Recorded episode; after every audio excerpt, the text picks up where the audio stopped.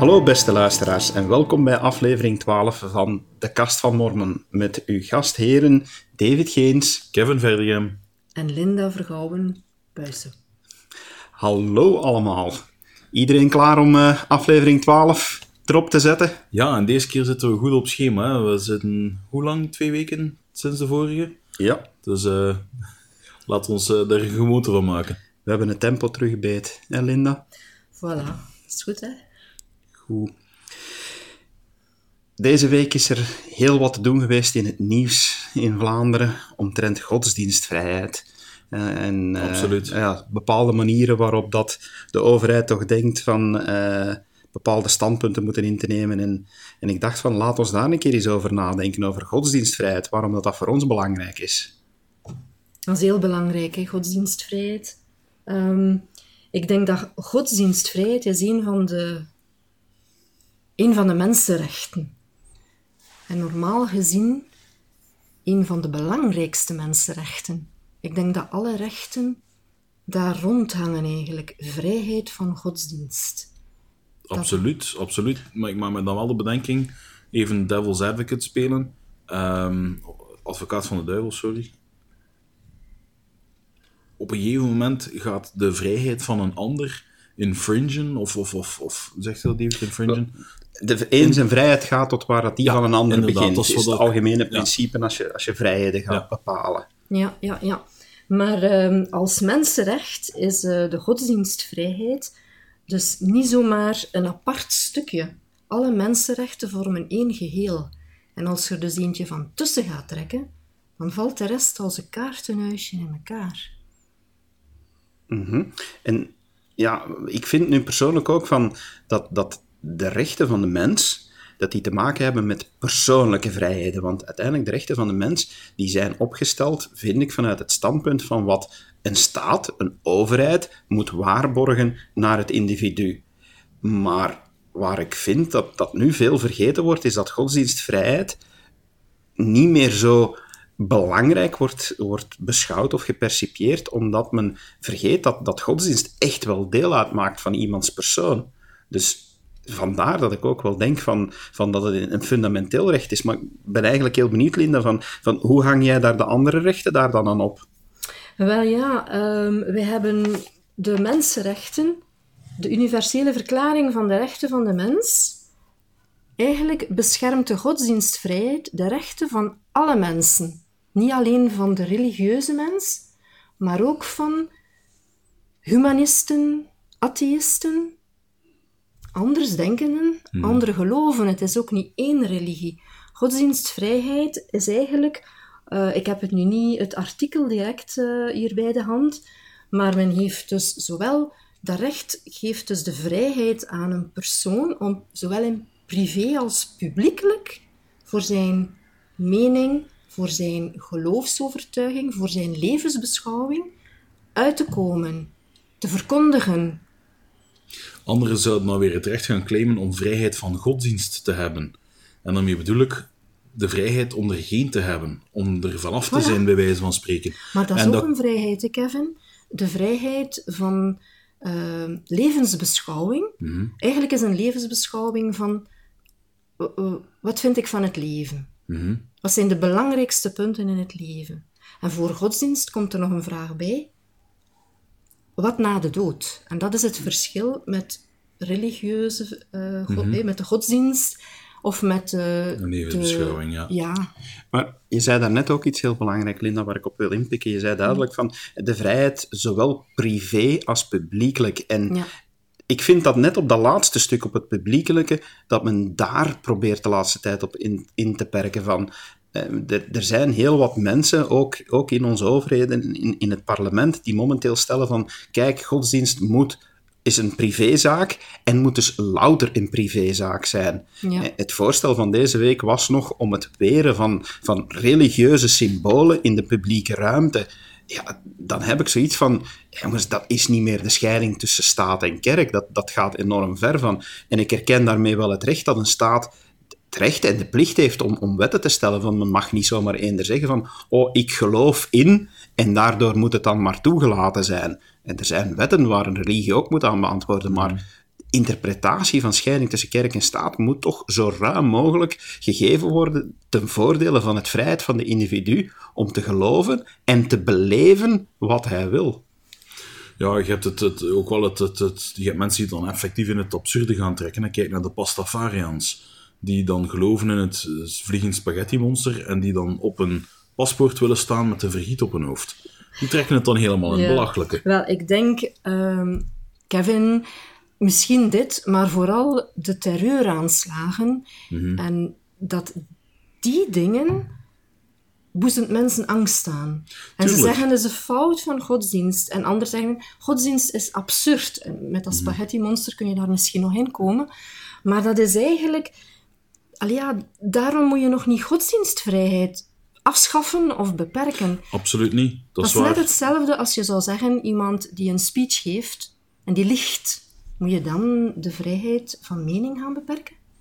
Wel, Dat vind ik een heel mooie vergelijking, want, want het is inderdaad zo. Ik, ik begrijp ten volle van waar, waar de reacties nu vandaan komen. Hè, van Mhm, die, die terreur, ja, het is vaak gelinkt aan, aan godsdienst, aan een bepaalde godsdienst zelfs. En mensen krijgen er schrik van, maar dan, dan vraag ik mij af, uiteindelijk, de terreur is gericht tegen de waarde van de verlichting.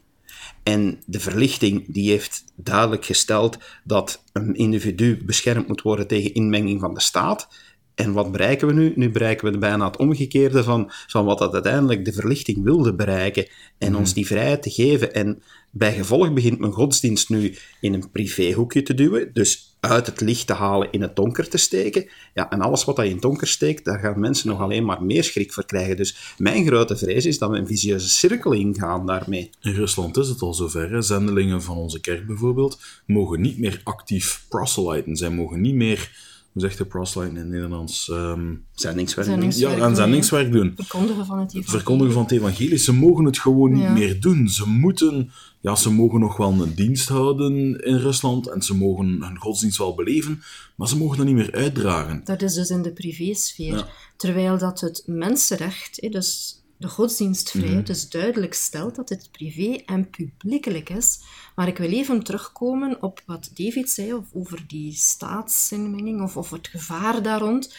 Aan dat mensenrecht is direct die zin ook gekoppeld dat men zijn godsdienst vrij mag beleven en uiten, Mhm. in zoverre men geen schade berokkent aan een ander zijn vrijheid. David heeft er, ik heb die daar straks gelezen, ehm, een, een, een blogpost, een blogpost open brief bijna, aan, eh, aan wie was die nu ook alweer? aan eh, Hendrik Bogaert, de man die deze week het voorstel lanceerde om religieuze symbolen uit de publieke ruimte te weren. Ja, ik raad iedereen trouwens aan om die te lezen. Ik, ik vond hem zelf heel interessant. Dank u. Ja, eh, ik vond hem zelf heel interessant en ik raad iedereen aan om die even te lezen. Ja. Dat kan je op geenzins.be vinden, dacht ik.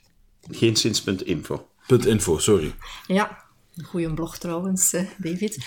Ehm, Rick Torfs, we kennen allemaal, eh, Rick Torfs is trouwens een voorstander ook van die mensenrechten en zo. En hij heeft een uitspraak gedaan waarin hij zei dat eh, moesten wij de seculiere stolp boven de mensenrechten zetten, dan zou het heel moeilijk zijn om een consensus te krijgen waar iedereen zich goed bij voelt omdat hij ook zegt, eh, soms zegt men wel eens van godsdiensten zijn bevoorrecht. Hè? Dat is een, een bevoorrecht recht. Die hebben, eh, ja, hoe, hoe zeg je dat? Ja, ik vind dat de be- beste omschrijving eigenlijk. Van het, is, het, is een, ja, het is een recht dat boven vele andere rechten gaat uiteindelijk. Ja, maar het is niet zozeer dat ze zeggen dan eh, een, een, een meer recht is dan iemand die niet gelooft. Nee, in tegendeel. Als men de godsdienstvrijheid zou afschaffen, dan schaft men ook de vrijheid van denken af, de vrijheid van mening. En dat is juist hetzelfde, Kevin.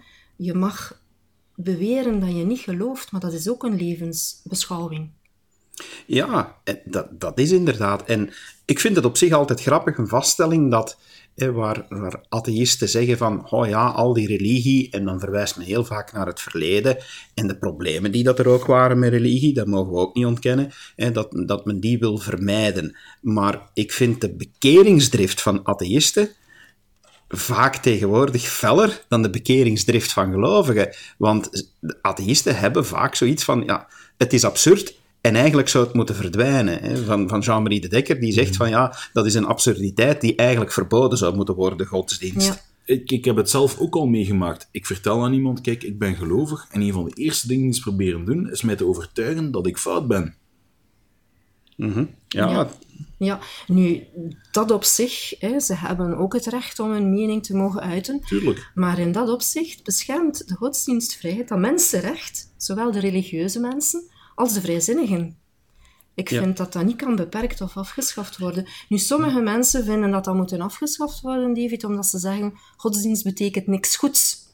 Terwijl als we een keer eens heel diep kijken in onze cultuur en in wereldvlak, hoeveel goeds godsdiensten Tuurlijk. veroorzaakt hebben. Het wordt, het wordt onder één noemer allemaal over dezelfde kam geschoren. Ehm, dat, dat, dat kan gewoon niet, vind ik. Dat, dat zou niet mogen. Er zijn heel grote verschillen. Je hebt godsdiensten die zeggen van kijk, wij keuren dit af. Er zijn godsdiensten die zeggen van kijk, wij zijn tegen een overheid court. Wij hebben godsdiensten die zeggen van kijk, wij willen onze eigen staat oprichten. Er zijn godsdiensten die zeggen van eh, dit staat in onze schriften, dus wij gaan in naam daarvan geweld gaan plegen. Maar dat zijn in mijn opzicht toch wel de minderheid. Of ben ik daar zo fout in? Persoonlijk denk ik van, van alles waar mensen bij betrokken zijn, ja, betekent dat je er goede en slechte dingen in hebt. En, en godsdienst is iets wat door de mens gebruikt wordt en door heel velen gelukkig mooi ten goede, maar ook soms door anderen veel meer ten kwade. En ja, maar mag je, mag je daarom algemeen inderdaad godsdienst gaan afschrijven? En voornamelijk omdat, en ik ben het helemaal met Linda eens, als je dat straatje ingaat, ja, dat is een eerste steen die afbrokkelt van die mensenrechten. Ja. En waar ga je stoppen? Ja. Eh, Ik heb, het, ik heb het soms al tegen, in het verleden een beetje een karikatuur van gemaakt. En nu ook weer hè, met, met het zeer ingewikkelde voorstel dat er deze week lag van, hè, van hè, godsdiensten of religies die meer dan 5% marktaandeel hebben. Ik vraag me af van waar gaan we grenzen beginnen te leggen van. Maar wat is dan het volgende? Dan mag een, eh, een bepaalde groot warenhuizen die een marktaandeel hebben van meer dan 5% ook geen reclame meer maken. Want men stelt, de, de argumentatie die er mij voert is van ja, als religies zo naar buiten komen met die symbolen, dan wordt dat door de strot geramd van hen die niet geloven. Maar ja, goed. Ik Ja. zie ook reclames van, van, van, van winkels en van merken die ik niet moet hebben op die grote reclamepanelen. Wel, goed, laat ons de grens dan algemeen trekken, hè? maar dan zijn we in dat straatje vertrokken van. En dan is een overheid goed op weg om censuur beginnen te plegen. Wat is het? Ik wil graag eh, nog eens iets zeggen over Melanie Phillips. Melanie Phillips is een atheïste en die schreef in haar boek The World Turned Upside Down: The Global Battle Over God, Truth and Power. En zij heeft het om. Ze zegt dat je moet niet godsdienstig zijn, zegt ze, om in te zien dat de fundamentele waarden van de westerse beschaving op godsdienst gegrondvest zijn. Dat is toch een prachtige zin? Dat is prachtig. Wij hebben alle reden om bezorgd te zijn dat die fundamentele waarden gaan verdwijnen als men de godsdienst op de schop zet. Tegelijkertijd merk ik dan ook wel dat bepaalde godsdiensten bepaalde bestaande vrijheden, met name voor vrouwen dan, Ja. echt wel zwaar gaan beperken. Ja, En dan zie je een godsdienst die de vrijheden van een ander, die in mijn opzicht toch wel fundamentele rechten zijn, dat die, dan ze die gaan beknotten. Kan dat dan door de beugel? Dan- Onder het nom van de godsdienstvrijheid? Kevin, dan breken ze eigenlijk een stuk van die, dat mensenrecht. Want godsdienstvrijheid is gekoppeld aan de vrijheid. Dat staat er ook in, dat men vrij moet zijn om van godsdienst te veranderen. Om, dus men geeft in die godsdienstvrijheid alle vrijheid om die te beleven. We weten natuurlijk dat in bepaalde godsdiensten de vrouw eh, beknot is in haar vrijheid door die godsdienstbeleving. Maar dat heeft niets te maken met het mensenrecht godsdienstvrijheid dat ze willen afschaffen. Integendeel, het is door die godsdienstvrijheid dat we die vrouwen meer macht zouden kunnen geven en meer eh, ja, denkvermogen, meer inzicht. wij hebben daar natuurlijk als mormonen een, een bijzondere kijk op. Hè, van, want ja, we mogen niet ontkennen dat er, dat er, dat er godsdiensten zijn, en zelfs in het christendom, hè, waar, waartoe wij ook behoren, ja, dat daar in het, in het verleden problemen zijn geweest. Maar wij als mormonen weten van dat het dat het wij als mensen zijn, als mensdom, ja, die van het mensdom misschien eindelijk een beetje aan het afwijken zijn en iets wat slimmer worden doorheen, eh, doorheen de tijden door. En dat godsdienst, en men zegt dan godsdienst evolueert, maar nee, wij evolueren en wij beginnen het altijd maar beter en beter te begrijpen.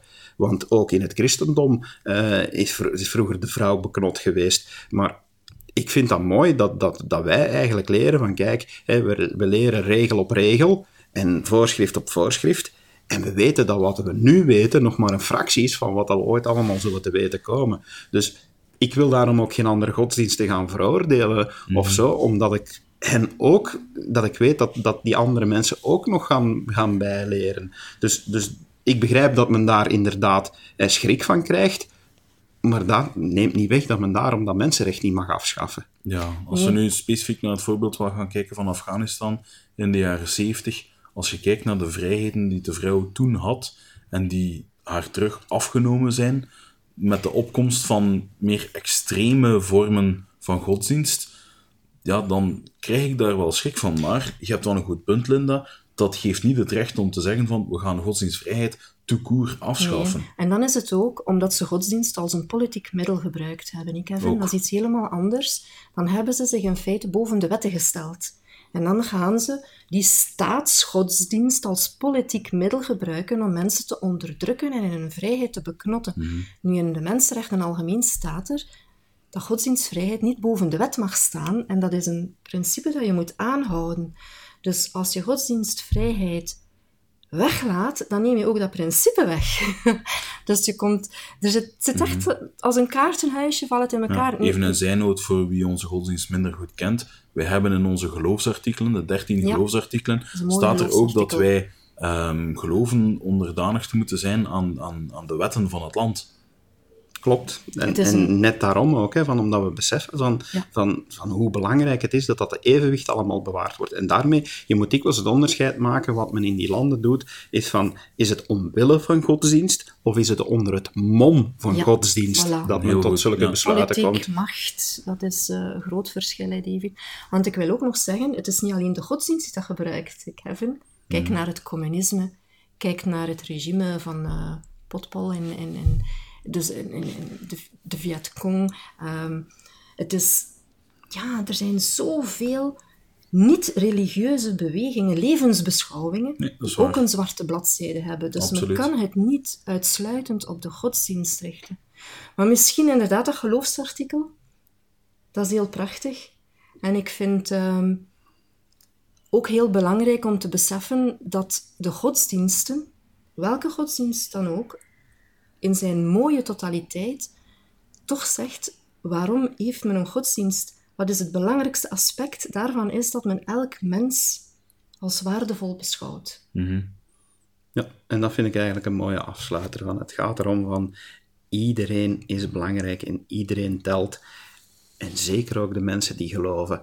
Laat ons alsjeblieft daar even voor opkomen dat wij als gelovigen niet de nieuwe paria's in onze maatschappij Nee, worden. zeker niet. Absoluut. Goed. Na dit hele belangrijke topic eh, is, is even meer iets lichtiger. Ja. Eh, Niet luchtiger, maar lichtiger. Ja, we gaan naar kerstmis toe. Yay! De donkerste dagen, maar toch het, het ja. feest van het licht op dat moment. Van, Ja. Ja. hebben jullie zin in kerstmis? Met zoveel lichtjes kun je niet anders hè, als zin hebben in het feest van het licht. Absoluut, absoluut. Ik kijk er altijd naar uit om samen te zijn met familie. De ehm, vele liedjes die je op de radio kan horen, die toch wel getuigen van het, het samenhorig zijn. ja. Het maar is ik mis wel ja, de Christus in de kerstmis, kern van kerstmis. Waar, waarom vieren we kerst? Veel mensen weten dat niet meer. Hè. Is het alleen En, en wat is volgens jullie... Als jullie nu... Eh, laat ons nu alle drie hier eens persoonlijk weergeven wat, wat voor, voor ons telkens de kern van kerstmis is. Kevin, wat is dat voor jou? Voor mij is dat Christus. Ik maak er ook elk jaar een punt van om als we met de familie samenkomen om kerst te vieren, om aandacht te geven aan het verhaal van de geboorte van Christus. Dan gaan we dat ofwel lezen in de schriften. Ik heb daar een tijdje geleden, ik heb jou dan nog bezorgd, een, ehm, een soort van tijdslijn gemaakt waarin dat je in de schriften, zowel uit het boek van Mormon als uit de Bijbel, dat je kijkt naar profetieën, uh, zelfs in het Oude Testament, die gaan over de komst van Christus, de gebeurtenissen bij zijn geboorte, vind ik altijd heel belangrijk om even bij stil te staan. en, en voor jou, Linda? Ik kan dat beamen. Hè. Jezus Christus is eigenlijk het centrum van kerst natuurlijk. Hè. Zonder Christus was er geen kerst. Het is daarom zo belangrijk uh, dat we teruggaan naar de roots van kerst. En het niet zozeer als een simpel verhaaltje beschrijven of bekijken of het in de hoek stoppen. Hè? Het kerststalletje in de hoek. Hoeveel kerststalletjes staan er nog? Ja, ja inderdaad. Maar, ja. Ik probeer voor mezelf ieder jaar, eh, bovenop wat dat jullie zeggen, van, naar mijn gezin toe, probeer ik ook altijd het belang van, van de geboorte van Christus even aan te geven van waarom dat het zo belangrijk is dat Christus bij ons is gekomen. Maar ik probeer ieder jaar ook een nieuw aspect te vinden aan.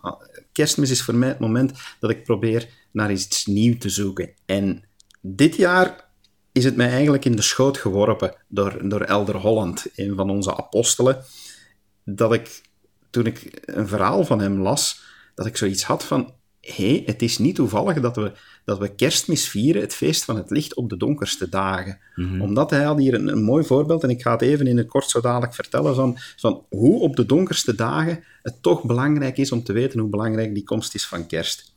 Nu, zijn verhaal dat gaat erover van, het is, het is een waar gebeurd, hij, hij vertelt uit zijn eigen leven, is dat zijn vader moest op een gegeven moment een operatie ondergaan, en die operatie, ja, daar waren complicaties bij. En zijn vader kreeg een hartaanval en was stervende. En hij was in het hospitaal bij zijn vader en dat was op 24 december. Dus net op het moment dat hij dacht van dit zou moeten een, een tijd van feest zijn, een tijd van bij familie zijn, hè, vrolijke momenten, ja, is dit nu voor mij een heel droevig moment. En ja, hij was, hij was echt zo helemaal in zichzelf gekeerd, helemaal donker geworden eigenlijk als persoon, besefte ik toen ik het verhaal hoorde. En, en hij, zat zo bezig van, van zelfs eigenlijk te denken van waarom God, waarom Hemelse Vader moet dit nu gebeuren? Eigenlijk op, op perfect timing. Ja, dat is toch echt wel niet het moment om, om zo verdrietig te zijn. Maar dan vertelt hij dat hij heel duidelijk ja, de Heilige Geest tot hem hoort te spreken. En ja, ik, ik vind het zo prachtig dat moment. Je moet je dat inbeelden, dat, dat, dat, dat hij daar hoort. Jeff, mijn jongen, ik had van u eigenlijk wel iets meer verwacht. Als jij niet kunt bedenken waarom dat dit allemaal van belang is, ja, dan zijt je toch wel helemaal ook de weg opgegaan van de overcommercialisering van kerstmis. En hij vertelt daar dan verder over, maar dat heeft mij inderdaad doen beseffen van, net op de donkerste momenten in ons leven, net wanneer we die vragen beginnen te stellen van waarom is dit nu nodig, waarom moet mij dit overkomen, of waarom overkomt dit een van mijn familieleden, en dan heb ik het over dood, ziekten of, of eender welke tegenslag die je kan hebben, maar op die donkerste momenten is het dan net niet zo fantastisch om te kunnen bedenken dat Christus het licht heeft gebracht in de zin van dat al die problemen die we hier hebben zo tijdelijk van aard zijn, omdat we eenmaal ook, nadat we hier op aarde geleefd hebben, verder zullen leven en dan veel meer in het licht zullen leven. En, Absoluut. En dat is voor mij, dit jaar wil ik echt dat als kerstboodschap naar mijn gezin gaan. Ik weet nog niet juist hoe ik het ga doen. We hebben gasten, we hebben een aantal eenzame mensen uitgenodigd ook. En ja, sommige daarvan zijn helemaal niet gelovig, maar ik ga toch hier met dit verhaal echt iets doen. Van, dat is voor mij nu dit jaar met kerstmis heel belangrijk, om echt dat licht een keer centraal te stellen. Fantastisch. Christus staat daar inderdaad centraal in, David, want moest Christus, moest de geboorte van Christus, moest hij maar een gewoon jongetje geweest zijn, dan bleef het dus donker. Hè? Maar juist, hij is juist geboren, zodat de mensen zouden leven. En dat is die mooie boodschap hè, die hij wil geven. Ja. En pas op, hè, ik wil daar helemaal geen afbreuk van doen van die cadeautjes, die zijn Mhm. ook leuk. Hè? Want dat is een manier waarop we onze genegenheid kunnen tonen naar mensen die, die van belang zijn voor ons. Van, ik ben hier nu niet degene die, die staat te roepen van dat al die commercie eruit moet en dat, dat, dat Sinterklaas niet meer in het... eh, Sinterklaas, Santa Claus, eh, dus de kerstman, dat die niet meer in beeld mag komen. Ik geniet daar ook te volle van. Hè. En, en al die lichtjes in de straat en hè, van All I Wish for Christmas is You. En ja, dat is, dat is allemaal fantastisch. Hè. Ik, ik geniet daar van jullie ook. Zeker. Ja, absoluut. De films ook. wij hebben zelfs de Santa Claus, de drie films hebben wij zelfs thuis op DVD. Een favoriet van mijn vrouwke. Dus het zijn leuke dingen om ook naar uit te kijken. Het is leuk, maar het is niet de essentie. Het is niet de essentie waar het allemaal om draait. En we mogen zeker niet vergeten dat in alles wat we doen en alles waar we rond deze dagen van genieten, mogen we echt Christus gewoon niet vergeten. Maar omdat je het over films hebt, wat is jouw favoriete kerstfilm, Linda? Mijn favoriete kerstfilm? Home Alone. Yes, toch nog iemand. En, en jij, Kevin? Ja, toch ook wel Home Alone. Alhoewel dat, dat een collega van mij er prat op gaat dat Die Hard een kerstfilm is. Ik heb meer moeite met dat te zien, maar Ja. Home, Home Alone van, van ik ben blij, hij staat opnieuw geprogrammeerd, heb ik al gezien op de tv-zenders van Home Alone, It Will Be, opnieuw dit jaar. Apple heeft die een tijdje geleden in een 12 Days of Christmas hebben ze die film gratis gegeven. En ik heb die nog altijd in mijn account staan en ik kijk die toch ook iedere keer nog eens. Ja, jij zult daar wel een speciale band mee hebben, hè Kevin? Ja, dat is eh, de mama. Kevin! roept dan eh, een eh, klassiek aangrijpend moment voor mij. Ja. Nee, maar ik, ik hoop van de, dat we allemaal een fantastische kerstperiode gaan hebben. Van, ehm, ik doe bij deze ook een, een heel warme oproep. Iedereen om, om toch ook eens aan het, aan het klassieke te denken bij kerstmis is van kijk eens links en rechts van u. En kijk eens waar mensen eenzaam zouden zijn Absoluut. dit jaar. Van, ik weet, het kost, kost altijd wel moeite en het wordt zo heel makkelijk gezegd van, en we hebben al jaren gehad, zelf ook, dat we er niet zozeer aan denken. Dit jaar hebben we er wel aan gedacht en hebben we voorbereiding getroffen. Maar als ik nu al zie wat, welke reacties dat ik op voorhand van die mensen krijg, van, ja, dat is het warme gevoel van kerstmis. Dat is waar, David. En ik wil eigenlijk nog zeggen, omdat je zei, die lichtjes in die donkere periode. Onze kerk heeft dus nu het tweede jaar op zich, na elkaar het thema het licht. Wees het licht in deze kerstperiode. Dan kunnen we zoveel betekenen voor een ander. Ja, die campagne hebben we in onze vorige podcast Ja. ook aangehaald. Het is, Verlicht de eh, wereld, hè. Verlicht de wereld, dat is een hele mooie. Een andere traditie die je bijvoorbeeld zou kunnen doen, is de meeste mensen vieren pas later op de avond kerst. Ik spreek dan niet over kerstavond, maar op kerstdag. Het is een heel mooi moment om ook aan wat dienstbetoon te doen. Ik kan mij goed herinneren dat wij op een gegeven moment, aangezien ja, ik ben met een buitenlandse getrouwd, haar ouders zijn nogal moeilijk te bezoeken op kerst. Traditioneel zitten we op kerstavond bij mijn ouders. Kerstdag was eigenlijk plots vrij gekomen, als het ware. Dan hebben wij de moeite gedaan om ook een aantal gezinnen die ook uit het buitenland kwamen en waarvan we wisten van, die hebben hier eigenlijk bijna niemand. Die hebben elkaar wel, maar die hebben geen vrienden of zo. Hebben wij ook de moeite gedaan om hen een kort bezoekje te brengen en een klein geschenkje mee te brengen, om hen toch ook een hart onder de riem te steken. Want zij mogen dan misschien individueel niet eenzaam zijn, maar als gezin kunnen zij het soms ook wel ehm, zich een buitenstaander voelen in ons eigen land. Dus eh, zeker de moeite waard eh, om, om te overwegen. Net daarom wou ik het ook eens even hebben, omdat ik weet dat er ook eh, uit de reacties merken we dat er heel veel niet-mormonen naar deze podcast luisteren. En een vraag die ik al heb zien passeren is, hoe vieren mormonen eigenlijk kerstmis? Van, doen jullie iets speciaal? Van, hoe ziet een kerstmis bij mormonen eruit, Linda? Ik denk dat, eh, dat we misschien wel gemeenschappelijke punten hebben, maar dat elk gezin ook zijn eigen tradities heeft. Ehm, ik denk dat er overal wel een kerstboom zal staan, eh, met eh, bollen daarin en pakjes onder de boom. Volgens mij zal er ook een kerststal in de Mormoonse gezinnen zeker een centrale plaats hebben in, het, in de woonkamer, waar het duidelijk zichtbaar is. Kaarsjes, de kerstman, dat weet ik niet. Ik denk dat we gewoon... We hebben Sinterklaas natuurlijk eh, bij ons in, in de tradities. Maar hoe vieren we kerst? Gewoon het eh, verhaal in de Bijbel, ik denk dat dat in vele gezinnen, bij ons wordt dat ook gedaan, wordt voorgelezen. Plus het verslag wat wij in het Boek van Mormon hebben. Dat is toch een pluspunt dat wij twee kerstverhalen hebben. Ja, Die mooi aansluiten. dat is inderdaad. Van, bij ons wordt er ook veel aandacht gegeven om dat verhaal te lezen en naar voren te brengen. En ja, uiteindelijk, we hebben niet zoveel verschillen. Hè? Van, van, het is niet dat wij iets, iets heel raar doen op kerstmis. Hè? We hebben ook niet dat we op, op kerstmis eh, nog, nog speciaal naar, naar, de mis, naar de mis gaan om middernacht of zo. Van, eh, ja, van, misschien dat het wel heel bijzonder is. Van dat, ja, eh, wij drinken geen alcohol, dus dat we, dat we wel ook op de kerstmis toch wel heel nuchter blijven van, met de families bij elkaar. Sommige families hebben misschien iets meer nood aan het feit dat er dan alcohol zou moeten zijn dan andere families. Ik ben al heel mijn leven Bob. Ik denk dat er eh, veel plezier kan gemaakt worden zonder alcohol. Hoor. En als je kleinkinderen hebt, of zelf kleine kindjes thuis, ik herinner mezelf nog vroeger bij ons, de kinderen, hoe ze zich verkleden in een schaap of in de ezel. Maria en Jozef zoeken. En, hè? Wat was uw oudste zoon?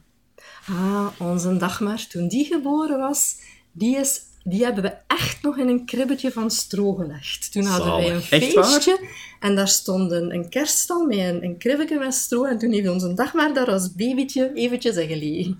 Is leuk. Bestaan daar foto's van? Ja, er moeten wel foto's van bestaan, maar ik weet niet... eh, Zeg maar al lachen. Zijn. Het, is een, het, is een, het is een mooi familiemoment. We zullen ze niet publiceren op onze Nee, we Facebook. van, niet wees gerust, dag maar als je dit hoort. Van, van, we, houden, we houden ze privé. Goed, eh, voor iedereen alvast, ja, eh, geniet er ook van van kerst. En zoals we zeiden, van, probeer toch ook eens wat aandacht te geven aan, aan de geboorte van Christus. Ik ga even teruggaan in de tijd, eh, Linda en Kevin. En ik ga naar 22 maart 2016. Een memorabele dag in de Belgische geschiedenis. Memorabel is misschien, ik weet niet, ja. Memorabel in de zin van, het is een die in het geheugen, collectief geheugen zal gegrift zijn als toch wel de zwaarste terreuraanslag die ons land gekend heeft.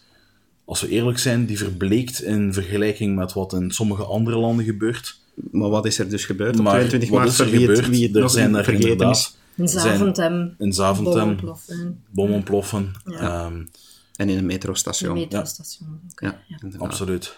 Nu, er zullen veel mensen zijn die, die van dichtbij of van ver iemand kennen die, daar, die dat daar misschien bij betrokken was. Het was voor mij ook paniek hoor. Mijn vader werkt op, op, op een paar honderd meter van het metrostation Juist, ja. waar dat, dat gebeurd is. En hij moet al wel eens die lijn nemen voor zijn werk. Dus het was voor mij ook even van, oei, ik probeer mijn vader te bereiken, is die wel oké? En dan zijn natuurlijk die netwerken overbelast en dan kan je die niet zomaar bereiken. En dat was voor mij ook wel even persoonlijk een, een paniekmomentje van, oei, is mijn vader wel veilig?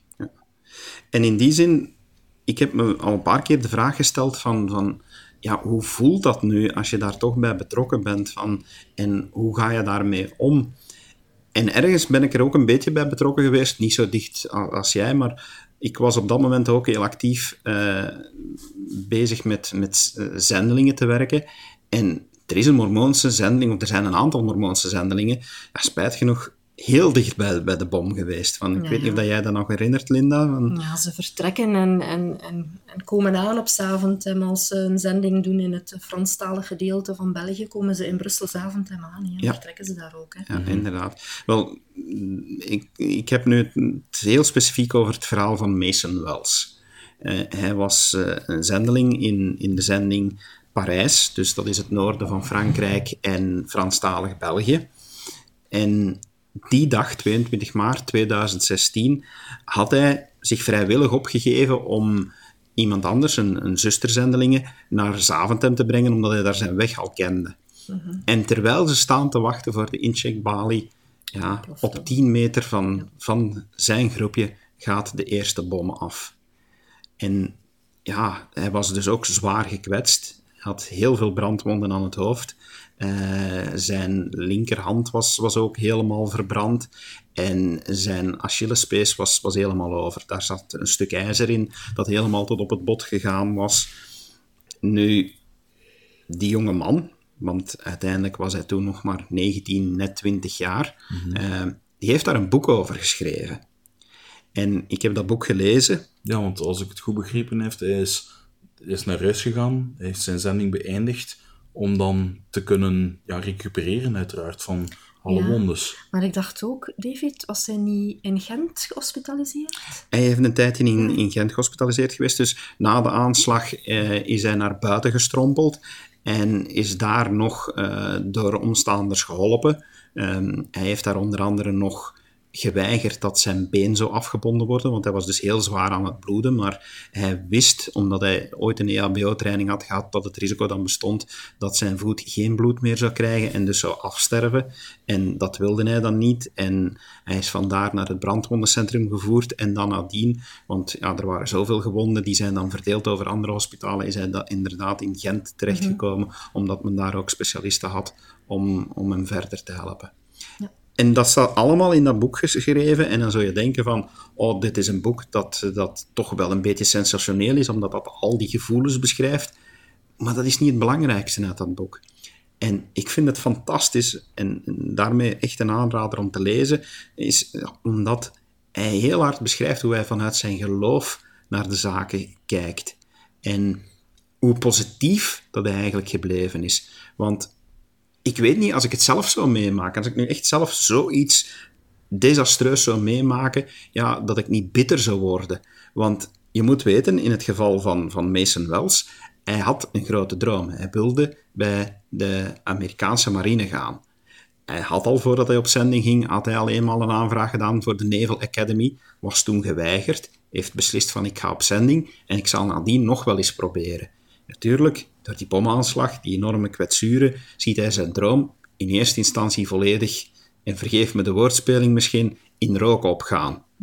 Ja, eerlijk gezegd, ik zou enorm verbitterd worden. Jullie niet op, zo, op zo'n moment? Ja, en je zou het van minder ook enorm kwaad worden op, op wie dat het gedaan heeft, maar niet alleen als individu. Je zou ook heel makkelijk ja, de, de lijn kunnen doortrekken en, en ook een hele bevolkinggroep over dezelfde kam scheren.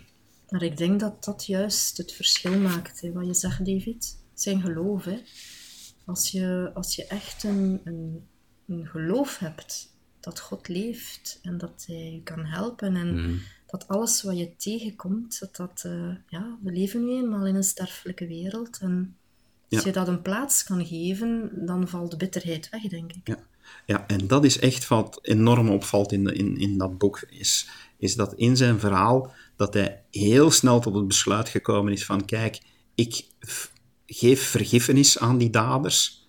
Eh, hij zegt ook heel eerlijk van ik reken er wel op dat zij hun gerechtigheid zullen krijgen wanneer zij eenmaal bij God zullen zijn. Dat, dat zegt hij heel eerlijk, maar hij zegt: Het is niet aan mij om die gerechtigheid toe te dienen. En ik wil dat vergif van, van, van mogelijke haat uit mijn systeem krijgen door vergiffenis te schenken. Dat is heel belangrijk. Ik heb dat zelf meegemaakt. Vroeger heel veel gepest geweest. En ik heb heel lang met dat vergif in mij rondgelopen. Totdat ik ook op aanraden van mijn vader ehm, dat heb kunnen lossen. En echt zoiets had van, ik stel mij tevreden met het oordeel dat mijn hemelse vader over hen zal vellen.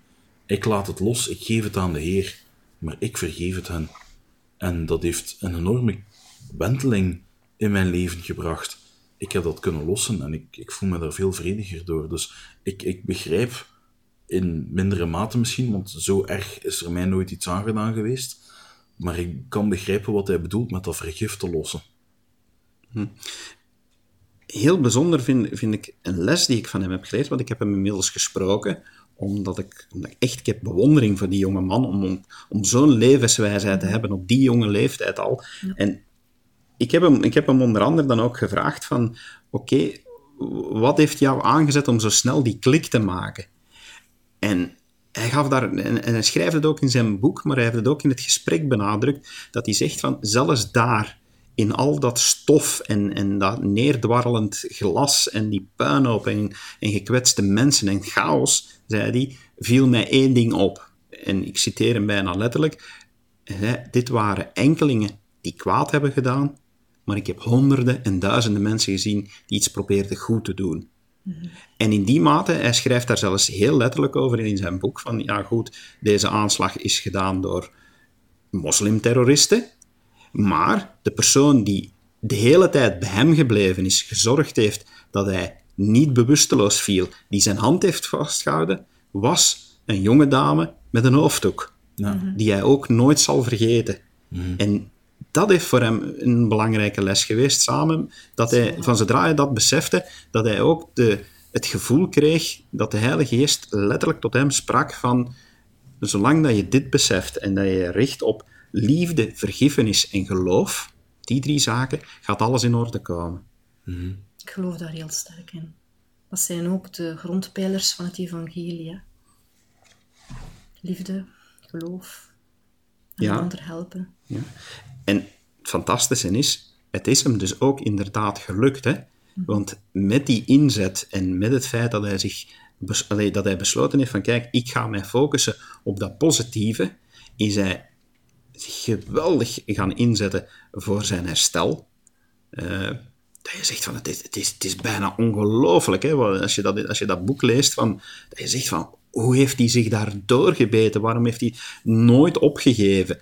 En in het gesprek heeft hij mij wel verteld van, natuurlijk waren er ook momenten dat het mij allemaal te veel werd, maar iedere keer opnieuw door op zulke momenten te zeggen van, oké, nu verplicht ik mezelf om te gaan bidden, om kracht te halen bij God, heeft hij doorgezet. En hij is dus enkele maanden geleden toegelaten tot de Naval Academy en hij is nu kadet. Fantastisch. Hij is kadet in de Amerikaanse marine. Hij heeft zijn droom bereikt. Fantastisch. En Wat een- vandaar, vandaar, ja, vandaar het boek Left, eh, Left Standing, omdat hij zo lang op zijn ene been heeft moeten, moeten steunen en toch nu eh, de top bereikt van waar je echt ook fysieke paraatheid moet voor Dat is een hebben. wonder, hè. Ja, dat, dat is gewoon een wonder van. Zeker als je ziet hoe dichtbij dan ze waren. De experts, ik weet me dat nog goed herinneren, zeiden toen allemaal van het is een wonder dat die dat overleefd hebben. Zeker omdat die zo dicht bij die bom waren. Maar een groter wonder is nog hoe hij het opgevat heeft en uiteindelijk eruit gekomen is, hè, David. Dat is waar. Misschien een prachtig kerstgeschenk voor mensen. Wie weet. Wie nog Left, geen cadeautje heeft voor de Left. Standing van... eh, het, is, eh, het is een boek dat enkel in het Engels beschikbaar is op dit moment. Maar eh, zeker de moeite waard van, om te lezen. Echt een aanrader. We gaan afsluiten met nog één nieuwtje. Iets nieuws dat ingaat vanaf 1 januari. Een verschil in eh, wat er in de tempel gaat gebeuren. Voor eh, onze, onze mormonen die luisteren en die het misschien nog niet weten, maar in de tempel, en tot op heden, jonge mannen en jonge vrouwen, die konden wel deelnemen aan de doopceremonie die, daar, eh, die daar plaatsgrijpt. Ehm, maar ze konden gedoopt worden. En vanaf nu gaat het wijzigen, vanaf 1 januari wijzigt het, dat eh, jonge mannen die eh, het priesterschap hebben, ook zelf kunnen gaan dopen in de tempel. Vanaf 16 jaar, hè. Vanaf 16 jaar. Ik inderdaad. neem aan vanaf dat ze het ambt van priester hebben. Ja, Ja. inderdaad. Ze moeten natuurlijk eh, de, de autoriteit hebben om te dopen, maar het is toch fantastisch dat, er, dat, we ook zien dat... eh, ik, ik vind het een fantastisch voorbeeld, en we halen het daar straks al aan, van hoe onze kerk geen, geen starre, dogmatische kerk is, maar wat het voordeel is van levende profeten hebben aan het hoofd, van, van apostelen te hebben, die dat naar gelang dat we evolueren, zulke dingen kunnen bijstellen. En dat we zien dat er alsmaar meer jongeren actief zijn in onze kerk. En dat ze dan ook zeggen van, oké, we gaan jullie nu nog een extra middel geven om nog meer bij te dragen. Ik, ik vind dat super. Ik vind dat echt geweldig. Dat Jullie is niet? super, zeker. Dat maakt ook dat zeker voor kleinere units, waar dat je zegt van, we hebben moeite om voldoende broeders bijeen te verzamelen om zelf een doopdienst te kunnen runnen, dat als je een aantal priesters hebt, dat zij alvast als doper kunnen fungeren.